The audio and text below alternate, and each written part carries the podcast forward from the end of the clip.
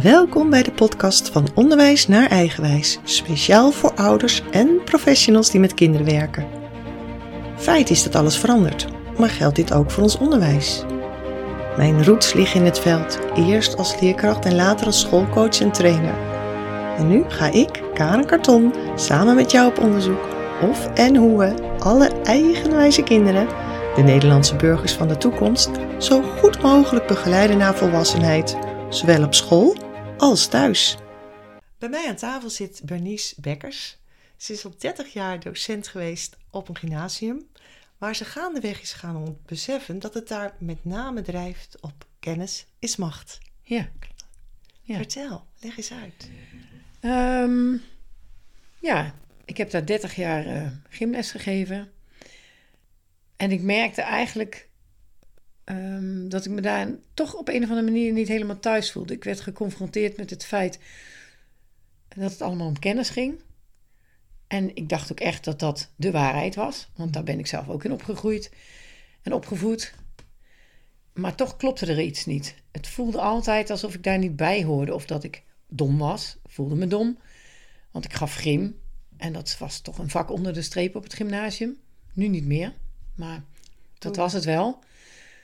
Um, dus dat bevestigde eigenlijk mijn beeld van... ik kan niks anders of zo. Dus dat klinkt wel heel negatief, maar dat had ik ook echt wel na de middelbare school. Dat ik dacht, ik wil iets doen waar ik niet hoef te reproduceren. Mooi. Ja, want dat lukte me dus niet. Of vond ik lastig. Oké, kun je daar iets meer over vertellen? Want wat voor kind was jij? Hoe ben jij op school gestart? Gewoon als hard werken. Hard, hard, werken. Als kleuter al? Ja, een beetje pleasend waarschijnlijk. De juf helpen. Um, er altijd zijn als eerste klaarstaan. Ja, ja, ik, ik. En druk. Tenminste, ik besef nu dat ik een druk kind zal zijn geweest. Veel bewegen, moeilijk stilzitten, dingen omstoten, vooraan moeten zitten. Ja. Oké. Ja, dat, en, uh, dat, het is zelfs zo heftig geweest. En daar twijfel ik even over of ik het zou vertellen. Maar um, dat het in groep, is nu groep 4, dat was toen groep uh, klas twee was dat toen, ja. Dus ik was een jaar of zeven, acht. En ik weet nog goed dat mijn ouders van een ouderavond terugkwamen. En uh, die zeiden van dat de juffrouw had gezegd dat als ik zo fladderig bleef, gedragen. Waarvan ik dacht, wat is fladderig gedrag? Want ja, ik ben ik. Blijkbaar is iets wat ik doe fladderig.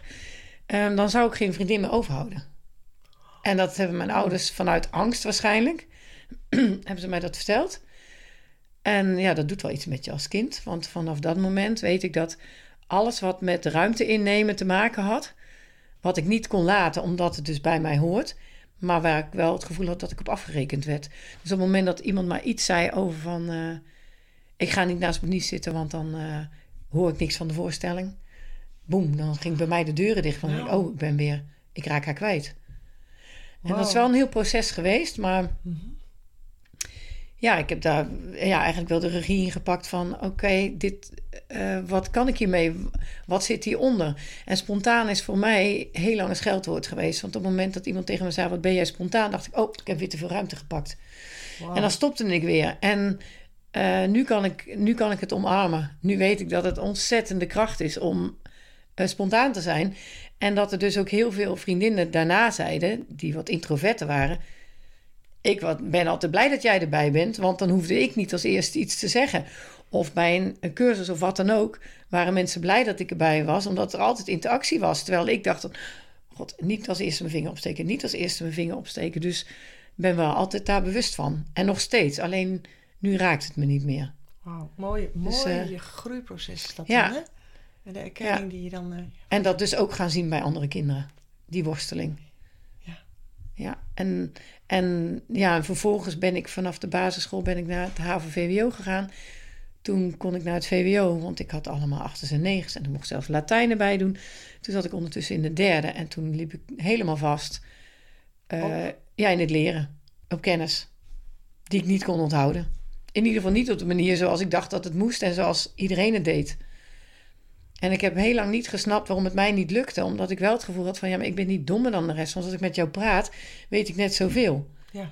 Maar ik, ik kon het gewoon niet reproduceren. Ik kon het niet eens onthouden. Ik kon me niet concentreren. Ik was altijd in beweging. Ik was altijd buiten aan het spelen of aan het sporten. ben niet voor niks gymdocent geworden. Ja, precies. Ik wilde namelijk vroeger Zwarte Piet worden. Maar Oh, dat kon niet.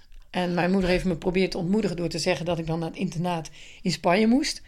Maar toen werd ik alleen maar enthousiaster. Oh, geweldig. Ja, en toen dacht ik op mijn tiende jaar, dan wil ik iets doen waar ik de hele dag op handen kan lopen. Dus dat was de sportacademie. Dus daar Ja. had je een doel. Ja, ja dus dat was heel duidelijk. Ik, ik, en ze hebben ook echt geprobeerd om nog naar andere studies te laten kijken. Maar nee, ik wilde per se naar de sportacademie. En toen gebeurde Gebeurde dus... bewegen. Ja, ja, ook weer een B. en in eh 3 VWO liep ik dus vast. En toen had ik... Ja, volgens mij kon ik wel net over naar de vierde. Maar de decaan had gezegd van... Goh, ehm, ik denk dat het verstandig is dat je naar 4 HAVO gaat. Want dan kun je gewoon meteen je vakkenpakket nemen... wat je nodig hebt voor de sportacademie. Want daar heb je toch maar HAVO voor nodig. Maar? Maar HAVO voor nodig. Mhm. Zo'n klein woordje. HBO-opleiding, ja, ja, HBO. Maar ik weet dat dat wel eh 15, 16 jaar heeft dat mijn grootste faalangst trigger geweest. eh, sindsdien eigenlijk. Dat ik altijd bang was dat ik dom was, dat ik het niet wist. Want ik had gefaald, ik moest afzakken. En toen kwam ik in de vierde terecht en dan ben ik ook gewoon gepest. In de gymles, hè. Omdat ik ze een... Ze zeggen kinderen die heel goed zijn in leren noemen ze een stuutje. Nou, die hebt er geen naam voor, een sportie of zo. Maar dat, dat ik zelfs ben gaan onderpresteren met ringen zwaaien, met eh, dingen om gewoon slechter te gaan zwaaien, omdat ik anders uitgemaakt werd voor uitslover. En, en heeft het dan te maken eh, dat jij als enige nieuw in die klas kwam? Of Nee, nee, dat was gewoon, nee, het was gewoon. Maar dat waren een paar meiden die ik vanuit het dorp elkaar kenden en op een of andere manier, ja, mijn kwetsbaarheid toch voelen, want dat is wat mensen doen als ze. en, eh, ja, ik heb het niet ervaren als pesten, maar als ik het nu zo vertel, is het dat dus wel geweest. Ja. En ook bij softbal, dat je, dan, ja, dat je dan van honk naar honk moest... en dat ze dan vol op het honk gingen staan... zodat ik daar niet aan kon komen op tijd en dus uit werd. Ik, ja, het feit ook dat ik het nog letterlijk voor me Ja, zie... zegt ja. ook al genoeg, hè? Ja. Je ziet het ook letterlijk voor je als je vertelt? Ja, ja, ik zie me gewoon weer aankomen. Ik zie ook het meisje weer wat daar staat. Wat er Ben gewoon jij vol voor staat. Ja, alleen maar. Dat is ook de reden waar ik later achter ben gekomen... dat het mij niet gelukt is om 3 VWO wat soepeler te doorlopen. Mm. doordat ik niet de juiste leermethode had en toen de tijd niemand dit fenomeen kende en je dus überhaupt daar niet eens mee kon helpen. Ja. En het grappige is dat ik nu dus heel veel leerlingen tegenkom die hoogsensitief zijn, beelddenkend en hoogbegaafd of slim. Want zoals je weet werk ik, werkte ik heel lang op een gymnasium. Dus eh, dat was een mooie spiegel voor Ja, mij. ja. En een leerproces dat ik dus met slimme kinderen 30 jaar geconfronteerd werd waar mijn faalangst op zat. Ja.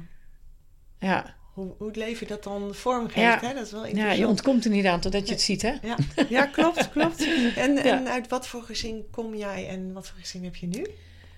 Ehm, mijn gezin, ik ben de oudste dochter. En ik heb twee jongere broers. En ik heb een vader en moeder en die leven allebei nog. Ehm, ja, eigenlijk een heel klassiek gezin. Ook vanuit traditie. ehm, stamhouder, oudste zoon. Ehm, ja, vooral van eh, wat zullen de buren er wel niet van vinden. Dus echt dat keurslijf voelen van eh, buitenkant. Presteren. Wat voor vak had je, of wat voor beroep had je vader? Eh, die, ja, die was bouwkundige. Nee, die was bouwkundige, zat in de bouw. En het grappige is dat ik nu zie de laatste jaren zoveel dingen van hem in mijn eigen brein herken. dat hij een ontzettende beelddenker is. Dat ik denk dat hij dyslectisch was vroeger. Maar ja, dat was, jaar, was echt na de oorlog net. En het toeval wil dat mijn vader en moeder elkaar al van de basisschool kennen. Dus mijn moeder zegt ook, als Fransje Bekkers moest gaan lezen, was iedereen aan het zuchten. Nou, dit is wat we bijna allemaal kennen natuurlijk. Van de basisschool was er altijd wel iemand waarvan je dacht, dat duurt lang. Dat je zelf stiekem verder las en dat je dan weer terug moest. En ehm, dus ik denk, eh, als mijn vader getest zou worden dat hij dyslectisch is, tenminste als je dat etiket kan plakken, maar dan weten we waar we het over hebben. En een ontzettende beelddenker, want hij maakt wat zijn handen, of wat hij ziet, maken zijn handen. En eh, daar heb ik wel veel van gekregen. Ik ben ook de klusser thuis. En niet mijn man. Ja, Ach, geweldig. ja. En ik zie altijd overal mogelijkheden. Als iets kapot is, ik kan het altijd maken. En de kinderen komen dan. Mam, dit kun je dit maken? Ja hoor, ik ga het in ieder geval proberen. En dat heb ik echt van mijn vader, dat talent. Ja, En dat vind je ook leuk als ik het zo zie Ja, aan vind ik heel leuk. Ja, ik ik los iets op. Van. Ja, ik los iets op. Hoe mooi is dat? En ik kan het niet laten om daarmee te stoppen. Terwijl mijn man is in mijn ogen laks. En mijn oudste dochter ook. Die denken, ach ja, laat maar, komt wel. koop wel een nieuwe. Oh ja, ja, ja. ja. En dan denk ik, ja, maar je kan het gewoon maken. Ja, maar dan, nou ja, oké. Geweldig. Dus dat, dat talent heb ik wel van hem. Ondanks alle nukken die hij heeft waar ik niet zo blij mee was. Maar echt een man van die, van die generatie. Ja. Ja. Ja, en, ehm, en je huidige gezin? Ehm, nou, ik heb een man en twee dochters en we zijn nog steeds gelukkig getrouwd. Eh, ook wij kunnen elkaar heel veel, wat, heel veel wat leren. Ik heb ook heel veel wat geleerd. Ik ben erg in mijn kracht gekomen, juist door mijn man. Die ook op het gymnasium heeft gezeten, op dezelfde school waar ik les heb gegeven. Oké. Ja, en eh, zijn vader was daar rector. En in 1963 is hij daar als geschiedenisdocent begonnen. Dus hij zit al 60 jaar. Zit dat gymnasium kwam op mijn pad. En blijkbaar laat het me dus ook nooit meer los. Want mijn eigen dochters, onze dochters, zijn ook naar het gymnasium gegaan. En ze hoefden niet van ons, maar ze zeiden al bij drie: Mama, ik wil naar jouw school laten. Wauw. En dat is ook gelukt. Ja, het is ook gelukt. iets, hè? Ja, dat dacht Moet ik ook Van, ja, je kunt Ja. wel willen. Maar goed, om eh, kinderen, de dromen van kinderen moet je nooit kapot maken. Dus die heb ik laten leven. En blijkbaar heeft zij toen al die intentie gezet. Niet dat ze dan die hersencellen erbij krijgt gaandeweg. Maar goed, het is gewoon... En ze hebben allebei een zes jaar gymnasiumdiploma gehad. En studeren nu in Utrecht allebei. En vinden elkaar nog dagelijks. En dat vind ik super tof. Want ik had zelf twee broers. En ik heb heel erg een zus gemist. En dan zei mijn moeder toen de tweede werd geboren van... Jij bent heel blij dat het een meisje is. Ik zeg ja. En als we het dan over projectie hebben, is dit natuurlijk heel gevaarlijk. Zij hebben met z'n tweeën wat ik nooit zelf heb ervaren, maar ik heb dat nooit als projectie gezien. Want ik gunst het van harte. Ik kan het helemaal loslaten. Ik ben er niet jaloers op. Ik kan er ontzettend van genieten. Dus eh, Ja, mooi. mooi. ja, en daarbij is het fijn dat er twee dochters zijn voor mijn man. Die natuurlijk echt een gymnasiumleerling is en dus vooral in zijn hoofd zit. dan zijn we weer daar. Ja, dan zijn we weer rond. Ja. Ehm, en dan even nog een hele andere vraag. Ben jij vooral een denker, een dromer, een doener of een voeler? Zit daar iets? Ja, volgens mij ben ik alles. Maar Ja, dat is mooi. Dat wil ik ook. ik ben van alles. En maar het een staat het ander soms in de weg. Oké, de een zit de ander. Ja, ik weet... Tegenwoordig, hoe noem je dat ook weer? Een neurodivergent brein? Of eh, wat had je? Een, eh, een neurotypisch heb je neurodivergent? Of wat is het ook weer, de naam? Van die... Van die even niet. Ja, nou, die, dat zijn dus de beelddenkers, de ADHD'ers, dat brein. Dat dat echt een ander brein is dan het typische brein. denken, Ja, ja. Dan- ja. Mhm. En eh, van daaruit merk ik dat, want jij zegt wat is je voorkeur? Mijn voorkeur begint in eerste instantie eh, met denken. Omdat ik iets in mijn hoofd op een rijtje moet hebben. En op het moment dat het op een rijtje zit, dan kan ik zakken. Ik, ik kan niet meteen bij het voelen. En dat komt dat mijn hoofd eerst daar van alles van vindt. En dat is bij de meeste mensen wel zo. Maar ik heb nou al een paar keer gemerkt, als ik dan bijvoorbeeld in een opstelling sta en ik heb zelf de hulpvraag, dat er dan eerst een heel verhaal voor af moet, omdat, omdat dat het beeld is wat ik zie. Ja. En dan moet ik dat ordenen, dan moet ik dat vertellen. En op het moment dat ik dat verteld heb, dan kan ik pas zakken. En als die ander eh, dat afkapt van, ja, je moet nu voelen, eh, dan, dan kan ik niet voelen, want het klopt nog niet. En onlangs was ik bij Bibi Schreuder in Bert Hellingen, bij Bert Hellingen Instituut in februari. En die liet mij praten en die zei toen later tegen, de, tegen het publiek of tegen de anderen van... Goh, jullie zullen je misschien afvragen waarom ik zoveel, haar zoveel aan het woord liet. Maar ik zie en ik voel en ik weet dat zij dit nodig heeft om daarna te kunnen voelen. Nou, dat was voor het eerst dat ik mezelf snapte, maar dat er ook iemand anders was die daadwerkelijk kon analyseren of snapte, benoemde wat er dus gebeurt in mij. En ik kon het nooit uitleggen. Want zeg je, je moet voelen, ja, je moet voelen. En het blijkt dus ook dat mensen met dit brein ook lastig kunnen mediteren. Dat kan ik niet. Eh, Of ja, dat klinkt zo van dat ik het nooit geprobeerd heb. Maar het geeft mij geen rust. Nee, en dan bedoel jij mediteren met je ogen dicht rustig zitten. Ja. Want meditatie heb je natuurlijk op zoveel Ja, ja verschillende nou op die manier. manieren Op, op de manier zoals we, het, eh, zoals we het benoemen eigenlijk in deze Ja, maatschappij. Hmm. Dat, dat, Nee, want je kunt ook in beweging natuurlijk. ja, eh, nou ja, ik hè, ga gewoon een potje padellen. Of, maar zelfs wandelen is niet meditatief voor mij. Want ook dan blijft mijn hoofd aan. Oké. En op het moment dat ik sport, dan is het echt een uur helemaal uit.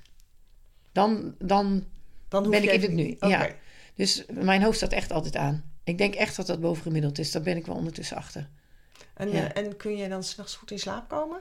Dat is wisselend. Het gaat wel beter omdat ik me er bewust van ben dat mijn hoofd zo is. Kan ik Mhm. het een soort van omarmen. Dit is wat bij mij hoort. En Dus als ik- kind? Heel lang lezen, stiekem. Onder het laken met mijn nachtlampje. Totdat het ging stinken. Ja, ja, en dan viel ik in slaap. Hm. En dan vond mijn moeder me met mijn boek op mijn neus in slaap bijvoorbeeld. Ja. Dus dat, ja, op die manier wel, als ik daar zo nu naar terugkijk. En dromen? Had je dan Mm. ook heel veel dromen? Of dat, Ja, of- ik droom wel veel, maar kan ze niet altijd onthouden. En als kind? Want het, Kan ik me niet zo goed herinneren. geen... Nee, mijn jongste dat dochter had het wel heel erg. Mijn jongste dochter heeft het heel erg gehad. En mijn oudste dochter droomt nog steeds zo helder dat ze ze altijd na kan vertellen. Die weet alle dromen nog die ze s'nachts heeft gedroomd. ook- Wauw. Ja, terwijl meestal weet je het niet meer. En zij weet het wel. En ze slaapt toch heel diep. Ja. Dus het dromen, ik weet, omdat je, jij zit natuurlijk met dromen, denken, voelen, Doen. doen. Ik ben wel een doener. Maar dat is gym ook natuurlijk. Ja. Dat je het lekker vindt. Ja, laat mij maar doen. Laat Ja. mij maar doen met mijn lichaam da- daar. Want ik, ik heb over die faalangst, hè. Want je hebt natuurlijk eh, fysieke faalangst, mentale fa of cognitieve faalangst en emotionele faalangst.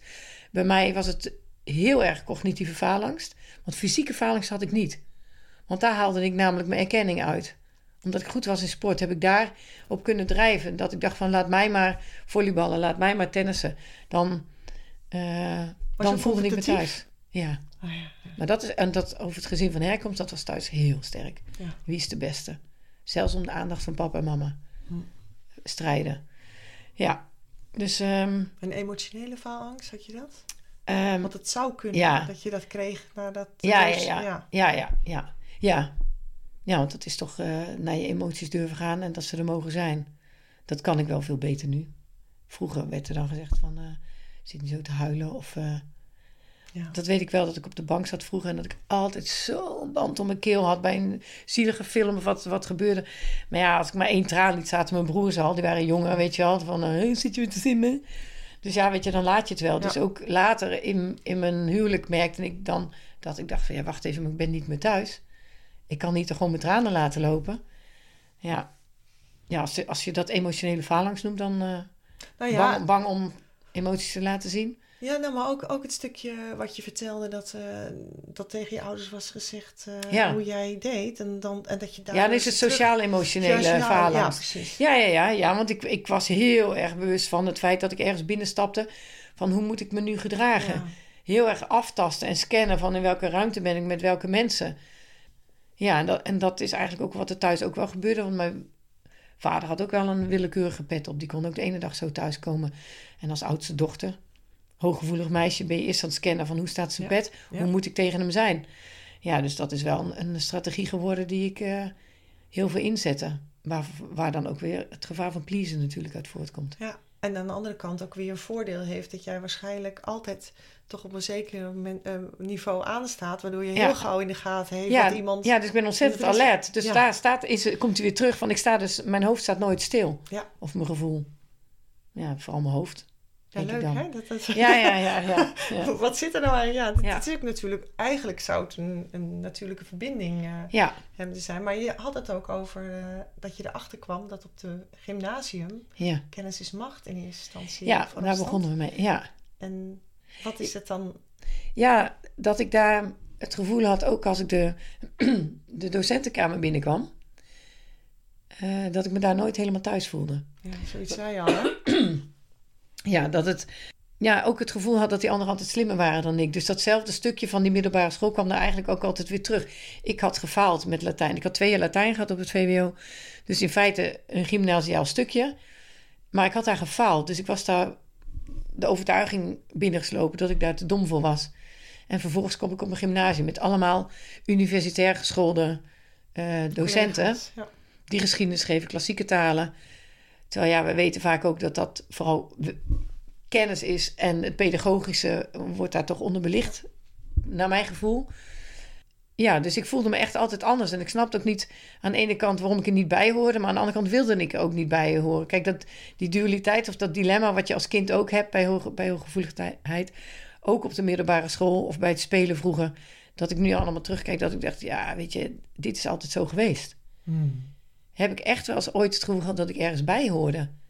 Altijd het gevoel dat je anders bent geweest. Ja, en toen ben ik gestopt in 2018, 19 was het, op school. En toen, ehm, ik was ondertussen al een eigen praktijk begonnen in 2014 naast mijn baan. Drie dagen gaf ik les. Eh, in jongerencoaching, ouderbegeleiding, systemisch. Eh, wat zit er in je rugzak? Wat heb je meegekregen vanuit het systeem? Zonder de schuld, maar alles als gevolg van. Ja. En eh, ja, toen ging ik natuurlijk steeds meer dingen zien en ook voelen. Hè? En dat ik dacht, ja, maar wacht even, ik heb het dus gewoon altijd goed gevoeld. Thuis, maar ook op school. En ook waar ik werkte. En toen was het dus eigenlijk een beetje van onderwijs naar eigenwijs gegaan. Daar gaan Daar we. gaan we. Ja, want toen durfde ik meer te gaan vertrouwen op mijn eigen wijsheid. Juist. Ja. En niet op het onderwijs wat er bij mij iets in had willen stoppen. Of een emmer aan kennis en informatie over me heen heeft ge- gegooid waar ik niks mee kon. Dus die eigen wijsheid, ja, die ben ik gaan omarmen. En nog steeds, want dat is een dagelijks proces. Hoe meer ik die omarm, hoe meer eh, uitnodiging krijg van buitenaf om een aandeel te hebben in de problematiek van school. Want nu ben ik weer terug daar op school als coach. Ben daar twee jaar weg geweest, drie jaar. En ondertussen was mijn jongste dochter daar geslaagd in 2020. En toen ben ik in, die, in dat augustusjaar, of die maand augustus daarna, ben ik begonnen als coach. Nu help ik dus eigenlijk kinderen die precies in de tweede en derde vastlopen waar ik ooit ben vastgelopen. En die nu wel kunnen stromen. Prachtig. Ja, dit Ja, hij is eigenlijk dat- rond. Ja, precies. En je had ook een mooie bevestiging net nog Ja. gekregen. Hè? Dat je weer, Ja, eh, van, een, die- ja, van een appje van een leerling. Ja. Ja, dus dat is ook heel mooi. Ja. Dat, je die, dat dat gewoon doorgaat en dat je dat dan ja en dat ze ze zien. En dat ik dan dacht van jeetje, als iemand mij toen had gezien, mij had verteld hoe mijn brein in elkaar zat, hoe dat werkte, dat ik niet dom was, maar dat ik gewoon een talent heb en dat ik daar gebruik van moet maken bij het aanpak van het leren, bij die leerstrategie. Ja, en dan zie je ze gewoon opbloeien. Ik had eh, mindmaps maken. En ik kreeg vorige keer een foto van een meisje. Die was heel fanatiek mindmaps aan het maken. En die had een foto van de slaapkamer gemaakt. En er lagen echt mindmaps. Het boek stond tegen de muur omhoog. En de mindmaps lagen op de grond. Dus dat was geschiedenis en dat was wiskunde. En dat was aardrijkskunde. En die had ze gemaakt met een A3'tje. En daar zaten A4'tjes aangeplakt. Ja, de hele grond lag ermee. Eh, en toen kreeg ik dus later het appje van... ehm, eh, ik heb geschiedenis, ben ik van een 4,5 naar een 9 gegaan. Ik zag alles voor me. Ja, hoe mooi is dat? Geweldig. Ja, en over naar de volgende klas. Dus, eh, en helaas is dan nog steeds kennis is macht. Maar ja, als je deze bewustwording mee kan geven aan de kinderen, het vertrouwen dat, dat dit zo belangrijk is. De geboorte, men zegt van, het lijkt wel alsof steeds meer ADHD-kinderen komen. Die komen er ook, maar noem het geen ADHD. Het zijn de kinderen waar wij de toekomst op, op Ja. moeten bouwen. Helemaal mee eens. De creatieve kinderen. Ja. En dat die wil het ik zien. ook vragen. Ja, Van als jij nou eh, jouw reis van 30 jaar in het onderwijs ja. ziet, merk je dan verschil in de manier hoe kinderen zijn, acteren? Ja, ja heel veel. Heel, heel veel, ja, wel verandering. Maar juist op het gymnasium ook nog heel veel kinderen die heel vast zitten in hun hoofd. Want als je dan vraagt van, goh, waar voel je het? Ja, in mijn hoofd, denk ik. Dat is het eerste antwoord wat ze geven. In mijn hoofd denk ik. Ja, in mijn hoofd denk, ik. ik. Ik zeg, hoor je wat je zegt? Ja. Denk ik. Dat is je hoofd. Maar je hebt nog een heel lijf. Waar voel je het? En dan zit ze echt te scannen. Ja, ja, ik voel het echt alleen maar in mijn hoofd. Nou ja, dan is daar mij de uitnodiging en de uitdaging om te kijken of je ze ook ergens anders iets kan laten voelen. En als je het nou niet alleen in je hoofd zou voelen, maar dan nog ergens anders, waar zou je het dan voelen? Van die leuke vragen. Ja. En dan komt, ja, ja, in mijn buik of misschien hier. Nou, hè, hè, dan zijn Ja, we een stukje je- verder. Ja, ja, ja. En doe je dan ook een oefening met ze? Want jij bent eh, heel veel ook bezig met eh, Eh. systemisch werk natuurlijk. Ja, ik laat ze wel bijvoorbeeld op vloeranker staan. Ehm, de oefening die ik vaker doe is dat ze bijvoorbeeld niet gemotiveerd zijn of moeilijk aan het werk komen. Dat ik dan het verlangen neer laat leggen van eh, de overgang of het rapport. En eh, dan mogen ze op dat vloeranker gaan staan en dan mogen ze voelen hoe is het als je daar staat. Stel je maar eens voor dat je over bent en je vriendinnen ook. En je gaat naar de rapportuitreiking en je krijgt een telefoontje. Je bent over. Hoe voelt dat? En die vermogen Wat doet staat, dat met hè? je? Ja, Ja, ja. zo van in het nu. Dit is wat er gebeurt. Dat iedereen blij is om je heen en zo. En dat je echt denkt van, oh fijn, ik ben over. En stap dan maar eens terug in het nu. En wat heb je daarvoor nodig? Mooi. En dan komen ze met, ja, motivatie. Hulp. Heb je ook hulp? Hulp kun je vragen, hè? Het is hartstikke dapper als je dat doet. Ja, Ja. soms een planning. Ja, Dat je- ja, dat is ervoor. En dat je dan ook aan houden. Ja, dat Ja. is altijd nog een uit. Maar ja, dat heb je soms ook met kinderen, zeker met ADHD. Planning, hoezo? Weet je, het werkt gewoon anders. Ze zijn leuk dat je, maar dan voel je je ook weer eh, soms niet gezien, omdat jij niet van die planning bent. Nee, Ja, nee, dat klopt. dat- en, en dat het ergens zo voelt, die planning. En het mooie is wel, want ik laat dan altijd... ehm, ik heb heel veel foto's gemaakt en voorbeelden van mijn oudste dochter. Want toen zij in 2011 naar het gymnasium ging... en in oktober haar eerste onvoldoende haalde... toen kreeg ik buikpijn als moeder. En toen dacht ik van, wat gebeurt hier? Ja, ja, volgens, toen dacht ik, volgens mij word ik getriggerd in mijn eigen school, eh, schooltijd. Van wat er toen allemaal, meisje, mijn stress ja. kwam terug, ja. Ja. En mijn dochter die bleef niks doen. Dus die zei, mam, het komt wel goed. En ik, oh man. En op huiswerkbegeleiding gedaan. Gewoon niet, nog niet kunnen zien dat het van mij was. Ehm haar op huiswerkbegeleiding gedaan. Totdat ze in de kerstvakantie zei, mam, als ik na de kerstvakantie nog steeds naar de huiswerkbegeleiding moet, dan loop ik van huis weg. En toen dacht ik, oké, dit is toch wel wat je serieus moet noemen. Ook al zou ze het niet doen. Ze is, eh, ze, is- ze, is op, ze is een keer weggelopen in de kerstvakantie. En toen zat een vriendinnetje van mijn jongste dochter... zat beneden tegenover mij. En toen kwam ze beneden. En nou loop ik weg, zei ze. ze ging weg. En die vriendin keek me zo aan van... moet je er niet achteraan?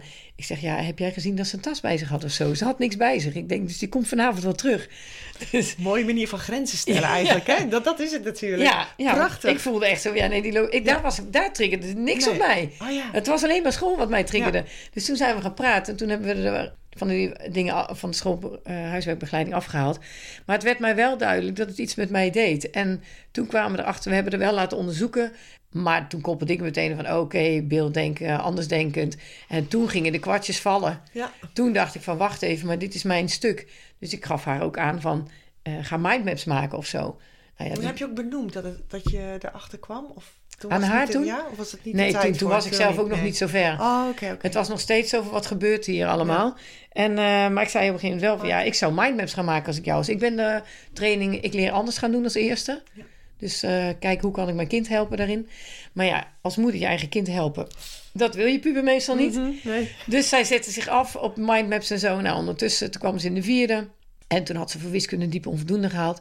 En toen kwam ze in één keer naar mij toe. Zegt ze, mam, heb je nog van die A3 papieren en stiften? En toen dacht ik, yes. Eindelijk. Nou, toen is ze gaan mindmappen. En om daarop terug te komen, ik, zij heeft echt stapels gemaakt voor aardrijkskunde, geschiedenis, wiskunde. En daar, die heb ik bewaard. Dus die gebruik ik in mijn eigen praktijk als voorbeeld. Want dan kunnen kinderen het zien. Ik heb er foto's van gemaakt. Omdat ik altijd ook op locatie ben. Dan kan ik al die papieren niet meenemen. En dan komt een kind bij mij voor het eerst op school langs. En dan zie ik al heel snel aan die ogen en aan de beweging van... oh, ik heb er weer een. En dan laat ik die foto's zien en dan zeg ik... goh, goh, wat vind je hiervan? Vind je dit rustig of vind je dit druk? Dit is wel overzichtelijk. Zo simpel is het. Je hoeft er niet de hele vragenlijst in te vullen... van dat we leerstrategie... want als ze alleen nou hierop aangaan... En dan ook en die voorbeelden zien. En dan heb ik die ook vaak door, want ze vinden het wel fijn. Want ik benoem wel van je hebt een hartstikke creatief brein. Je moet je eigen sausje eroverheen gooien. Maar ze vinden het wel fijn om die paar van die foto's, die Ja. mindmaps te hebben. En dan stuur ik die door. En eh, dus mijn dochters werk is gewoon, eh, Fantastisch. ja, verspreid ik nog steeds. En dat, zij vindt het ook heel leuk. eh, om Oh, te. Ja, een stuk Ja. erkenning ook weer. Hè? Ja, ja, ik heb wel altijd toen tegen haar gezegd, tegen mijn dochter van... Lot, het komt goed als je in de bovenbouw zit en je mag je eigen eh, profiel kiezen. Dan zal het voor jou een stuk makkelijker zijn. Kies alsjeblieft tekenen, heb ik gezegd. Ja, maar ik kan niet zo goed tekenen. Nou ja, ze zat op de school waar ik ook les gaf. En die tekendocent zei van nou, tekenen is maar 10% van het geheel. Dus zij heeft tekenen gekozen en gewoon met een 8 afgesloten. Ze vond het fantastisch. Kunstgeschiedenis gaat daar helemaal in op. Wauw. Ja, en de eindexamen heel goed gemaakt door te beschouwen. Nou ja, beeld denk ik kan niet. Dat was zo mooi, want ze had het heel hoog gemaakt, of heel goed. Ze kwam thuis en zegt ze, ja, ik weet niet hoe ik het gemaakt heb. Ik kon helemaal niks met de theorie. Ik heb maar gewoon gezegd wat ik zag. Ik zeg, nou, ik denk dat dat het juiste antwoord zal zijn. Bleek ze dus iets van 8,9 te hebben gehaald. Ja, ik weet het cijfer nog zo mooi, want ik denk, dit is precies de bevestiging van al die jaren. En toen dacht ik, ja, zij is gewoon gaan beschouwen. En vanuit die beschouwing is gaan zoeken naar de theorie die erachter zat. En een niet-beelddenker, die gaat vanuit zijn theorie zoeken of hij iets vindt in dat beeld. En dit was precies wat zij deed met haar talent. En daarom kon ze ook niet zeggen dat ze het goed gemaakt had. Want voor haar gevoel deed ze maar wat. Ja. En dit herken ik zo sterk. Ik zeg zo vaak, ik doe maar wat. Ja. En dat klinkt negatief, maar dat is het niet. Nou, is het negatief, maar het is Nee, maar zo ook van, ja, ik doe maar een dotje of zo. Ja, Zo ik doe maar wat. Nee, ja, je doet helemaal niet maar wat. Nee, Nee, dat klopt. Maar zo voel ik hem niet. Ik voel van, ik kan niet anders dan maar wat doen wat op mijn pad komt. Ja, mooi. Ja. Ehm, ik ga je even een aantal vragen stellen. Oh, ja. En dan kun je kiezen A of B. En dan mag je daarna weer aangeven waarom je die hebt gekozen. Oké, oh jee. En als ik het niet weet? Of ik weet het Eh, altijd? Nou, je weet het altijd. En het is jouw keuze namelijk. Ja, oké. Geïnspireerd of aangeleerd? Boe. Ehm, dit is al meteen beide, wou ik zeggen. Ik heb dingen aangeleerd, maar ik heb ze weer afgeleerd. Dus ik ben geïnspireerd. Dromen of voelen? Eh, voelen. En van daaruit dromen. Mooi, mooi. Elk jaar een eh, andere docent of liever meerdere jaren dezelfde? Dat ligt aan wie die meerdere jaren docent is. Want die moet wel goed voelen. Voelen weer, hè? Ja. Ja, mooi, mooi. Als hij goed voelt, mag het dezelfde heel graag zijn. En als hij niet goed voelt, dan de andere. Heb jij op de basisschool meerdere jaren eenzelfde docent gehad? Of een leerkracht gehad? Ehm, nee. Elk jaar wel een andere?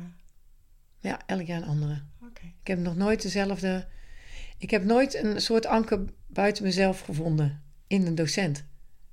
Ja, één gymdocent heb ik één jaar gehad dat ik dacht van die snapt mij misschien beter, maar dat, ja, dat was een hele jongen. Ik weet, ik, ik heb het gewoon altijd goed verborgen gehouden.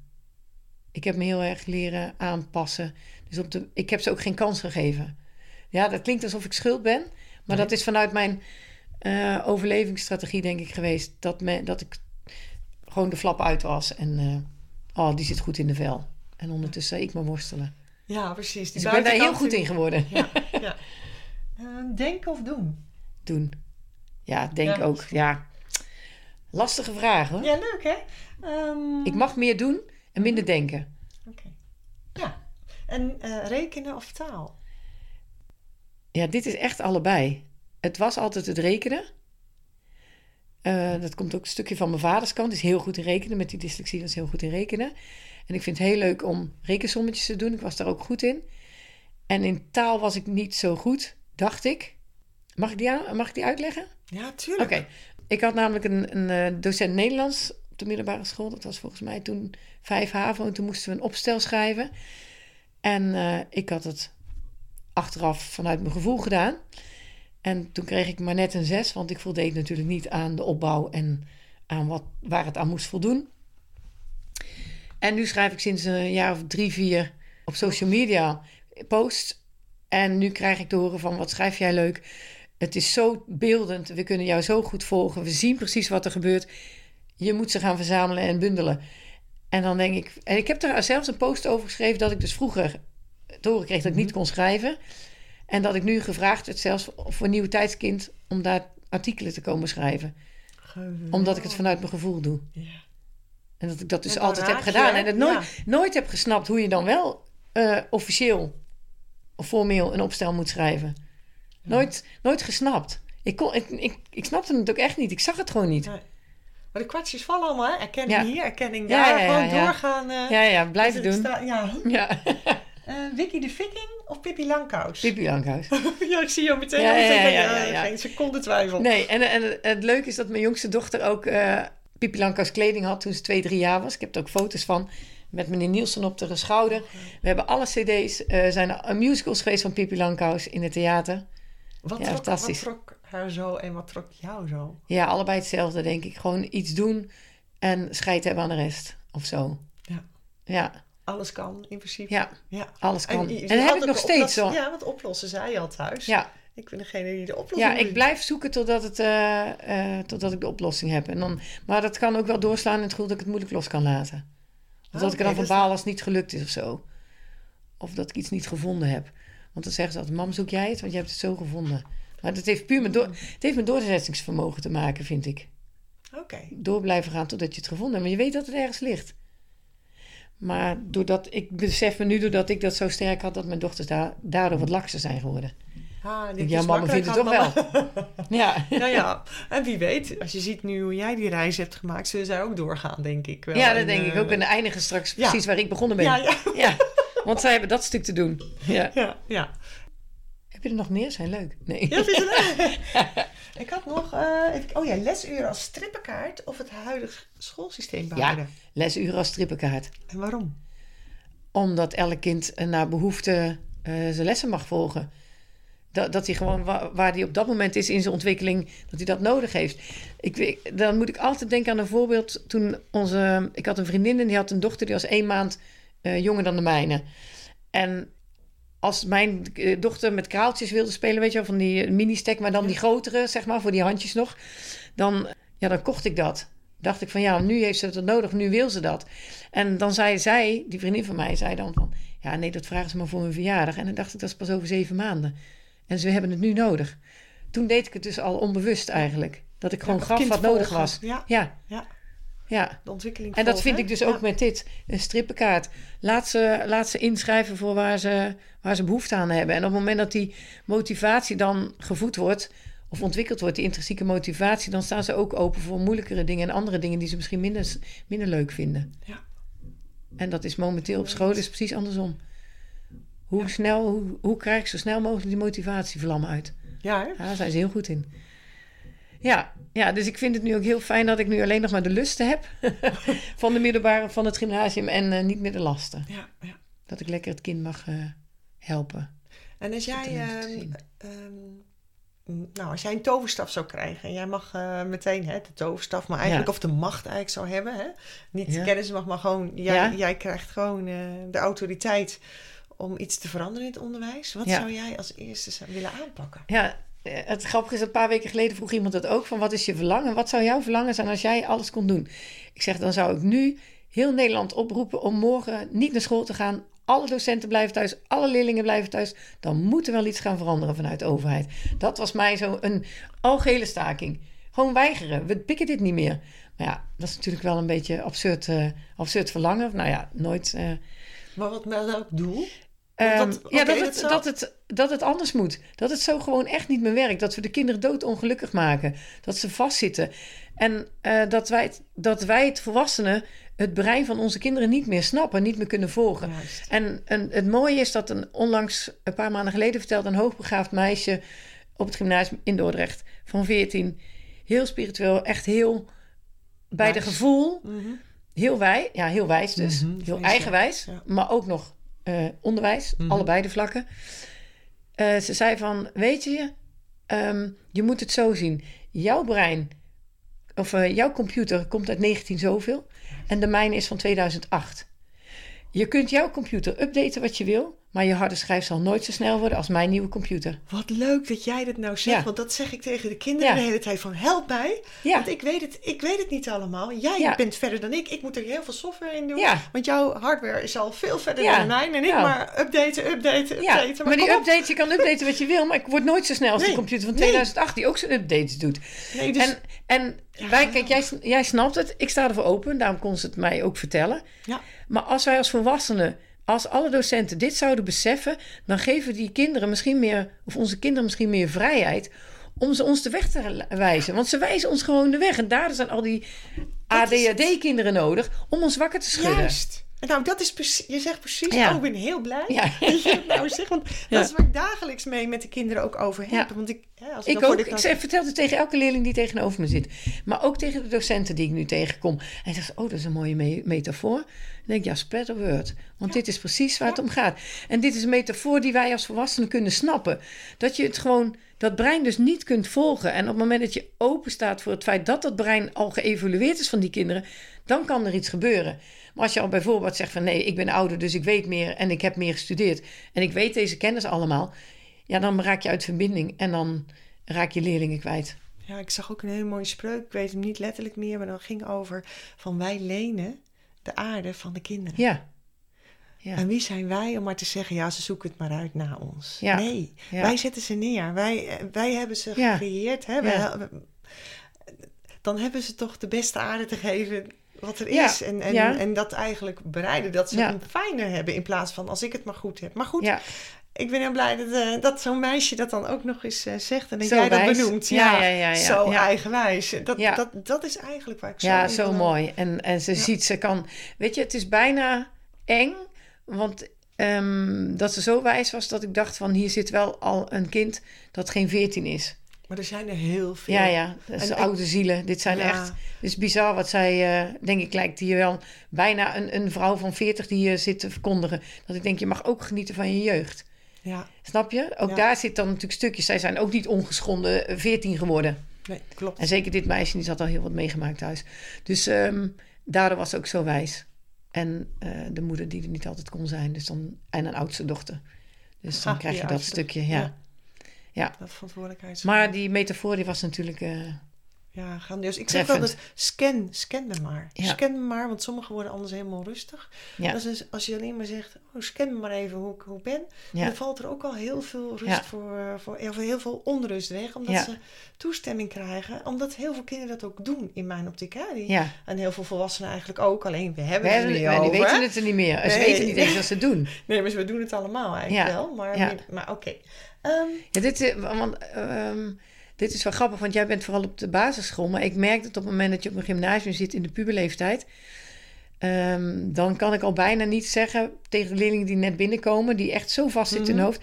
scan me maar even. En ik zeg van, wat heb ik hier nou voor nee, raar maar dat zeg ik ook niet meteen hoor. Nee, nee, nee. Dus ik, ik merk echt, en, Ja. en ik vind, dat zeg ik dan wel oprecht, dat dat is mijn kracht, dat ik heel goed kan levelen met waar ik in moet stappen met de gymnasiumleerling. Dat is natuurlijk de ervaring Ja. van 30 jaar, plus kinderen thuis die ook het gymnasium hebben gedaan, dat je precies kan instappen bij, die zit, daar, die zit zo ver in zijn hoofd, die zit al wat lager, die is meer gezakt. Waardoor je precies weet in welke mate van zweverigheid, bij wijze van spreken, als je het zo noemt, kan instappen.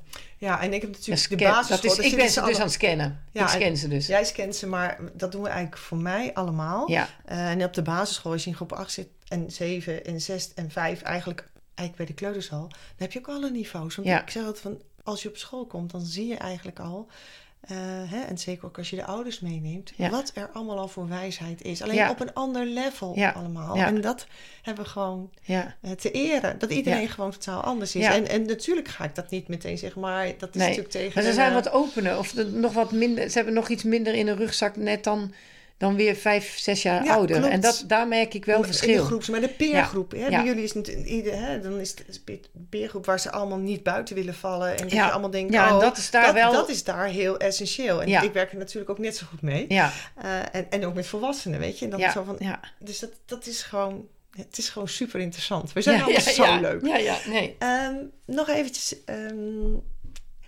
er zijn kinderen die zijn heel blij op school. En er zijn Ja. kinderen die zijn ongelukkig op school. Wat zou je tegen kinderen zeggen die heel blij zijn op school? En dan is daar nog iets advies of dat je een spreuk of iets. En wat tegen kinderen die ongelukkig zijn? Volhouden. Nee. Nou ja, ja, nou ja, het is, nou ja, eh, de realiteit als ik ehm, kinderen krijg die ongelukkig zijn. We zijn wel nu aan het leven. Dus je kan niet zomaar zeggen van ja, ehm, ehm, dit, dit moet er gebeuren. Eigenlijk gewoon een heel realistisch verhaal met ze hebben. Van dit is de. Maar hoe kunnen we hier tussendoor manoeuvreren? We zitten nu vooralsnog vast in dit systeem. Je zou je diploma moeten halen of moeten. Je, je moet dit doorlopen. En dan ga ik samen kijken met het kind van hoe, kan ik, hoe kunnen wij of hoe kan ik jij met mijn hulp hier doorheen manoeuvreren. Dat je toch met, weer met plezier naar school gaat. En ook heel praktisch, wat kan ik dan betekenen? Ja, ik zit me daar dood te vervelen in die les bijvoorbeeld. Nou, dat ik dan in gesprek ga van goh, kan het niet zo zijn dat zij eh, maar één van de drie lessen aanwezig is. Dat ze dan die twee anderen voor zichzelf iets kan doen. Of overprikkelde kinderen die dan een bepaald vak wel kunnen missen, omdat het daar goed gaat, dat ze mogen gaan wandelen buiten in dat lesuur en dat ze dan terugkomen. Dat is wat ik dan doe voor die leerlingen binnen de school, naar de mogelijkheden die er zijn. En dat is natuurlijk met, eh, eh, hoe heet het, eh, roeien met de riemen die je hebt. En dan verander ik misschien wel iets aan het systeem, toch wel stiekem, want er wordt wel wat bewustwording, dat er, dat er gewoon iets aanpassends moet gebeuren voor dit kind. Omdat ze anders uit gaat vallen. Ja. En dan luisteren ze wel, de schoolleiding en zo. meestal wel hè? Ja, als je dat gaat zeggen, dan wel. Als ze uitvallen, dan... al zou het alleen maar omdat ze weer iemand minder hebben waar ze geld voor krijgen. Nee. ja, Maar het zit er ook bij. ja, ja, helaas wel. En daar zit de school natuurlijk ook aan vast. En de inspectie. Dus ze zijn allemaal ge- gebonden. En dat is zo jammer. Maar eh, ik zeg het altijd van... eh, Ken je die metafoor van die piramide van suikerklontjes? Die in een bak staan? Zeg maar, vertel maar. Ja. het is wel leuk voor iedereen ja, natuurlijk om te ja nou, dat- ik zie het dan ook voor me. Allemaal van die, van die eh, beetje bruine suiker, suikerklontjes. Zijn het bij mij? Zijn het bij jou witte suikerklontjes of bruine? Vraag Nou, ik ook aan een leerling dat is ook leuk. Welke kleur suikerklontjes heb Eh, jij? ik had eerst wit. Oké. Bruin ga ik meteen mee, maar ik dacht, Ja, ja. en toen dacht ik, oh, een combi is ook leuk, maar goed. Ja, ja, ja. Oh, je krijgt, ja, ja oké. Maar goed, er staat dus een piramide en die staat in een bak. En dan ga je het water geven. En wat gebeurt er dan met suiker op het moment dat het water krijgt? Smelt en dan zakt het in. En zo zie ik op, nu wat ja. we met z'n allen aan het doen zijn. Jij en ik.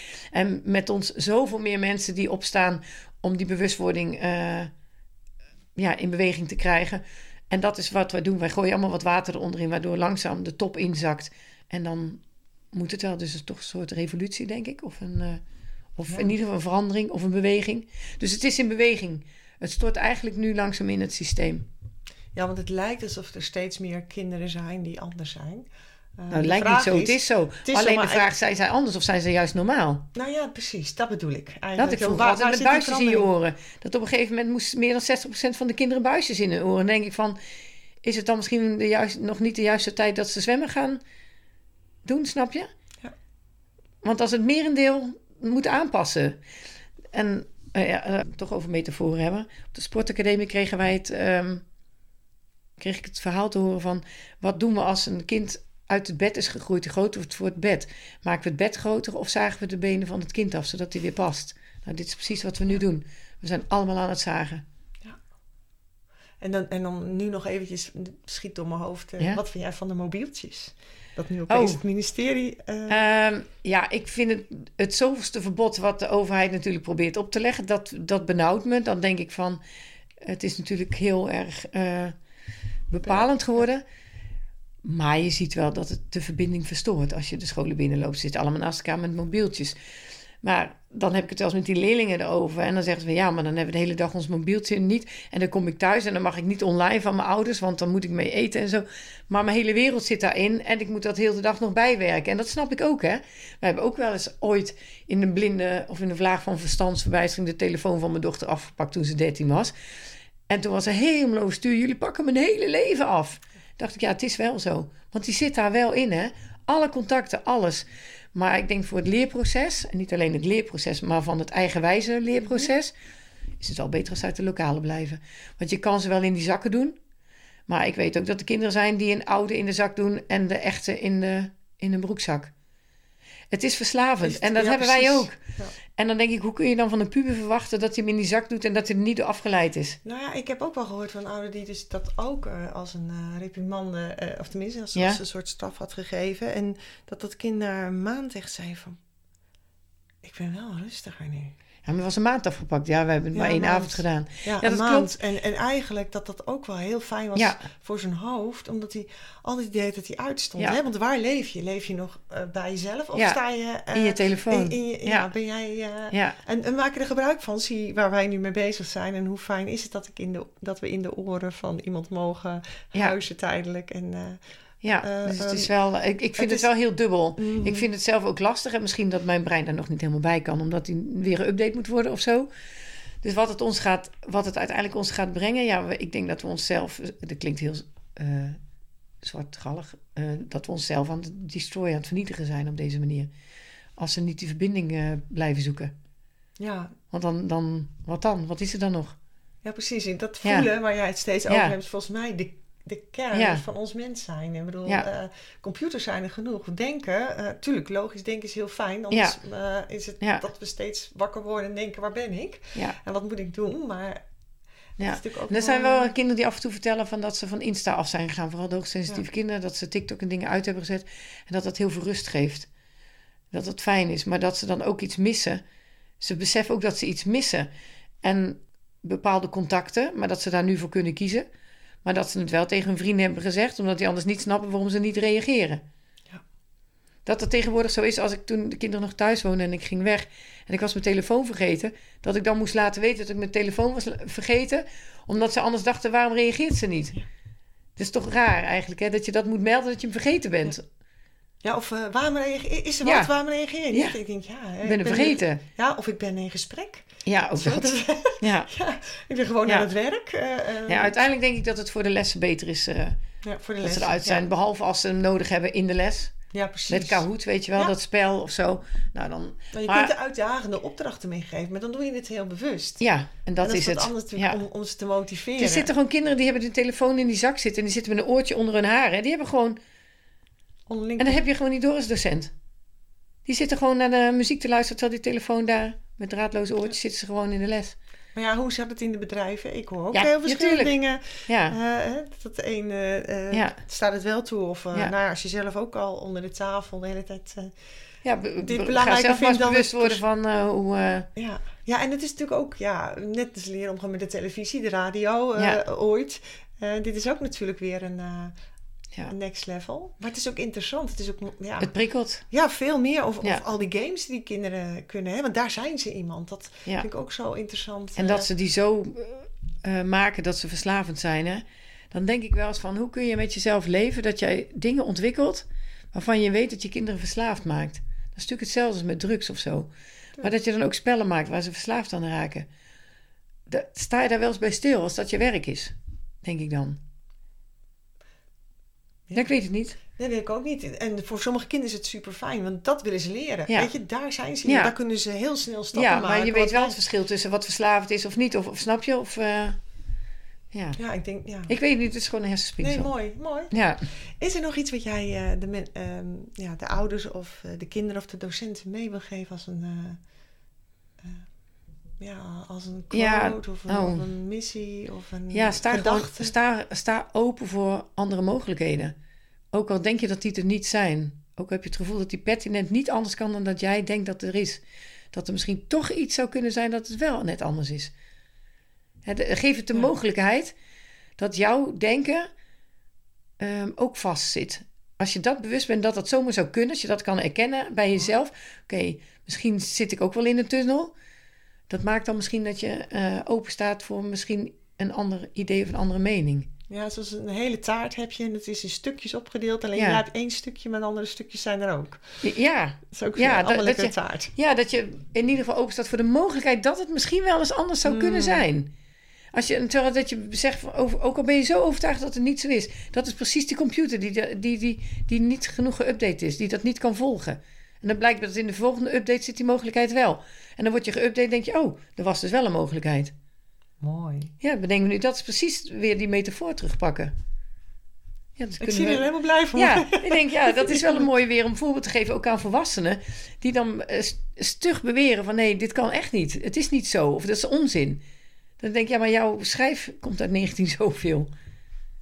Die kunnen we blijven gebruiken. Die blijven we gebruiken. Ja. Dankjewel voor het gesprek, Bernice. Heel nou graag fijn. gedaan. Ja, ik vond het leuk. Dankjewel dat ik er mocht zijn. Dankjewel voor het luisteren.